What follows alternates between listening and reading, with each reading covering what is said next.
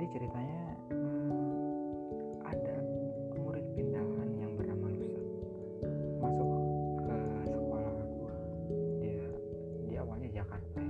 oh ya dia awalnya di Jakarta terus pindah ke tempat gua rumahnya pindah ke tempat gua.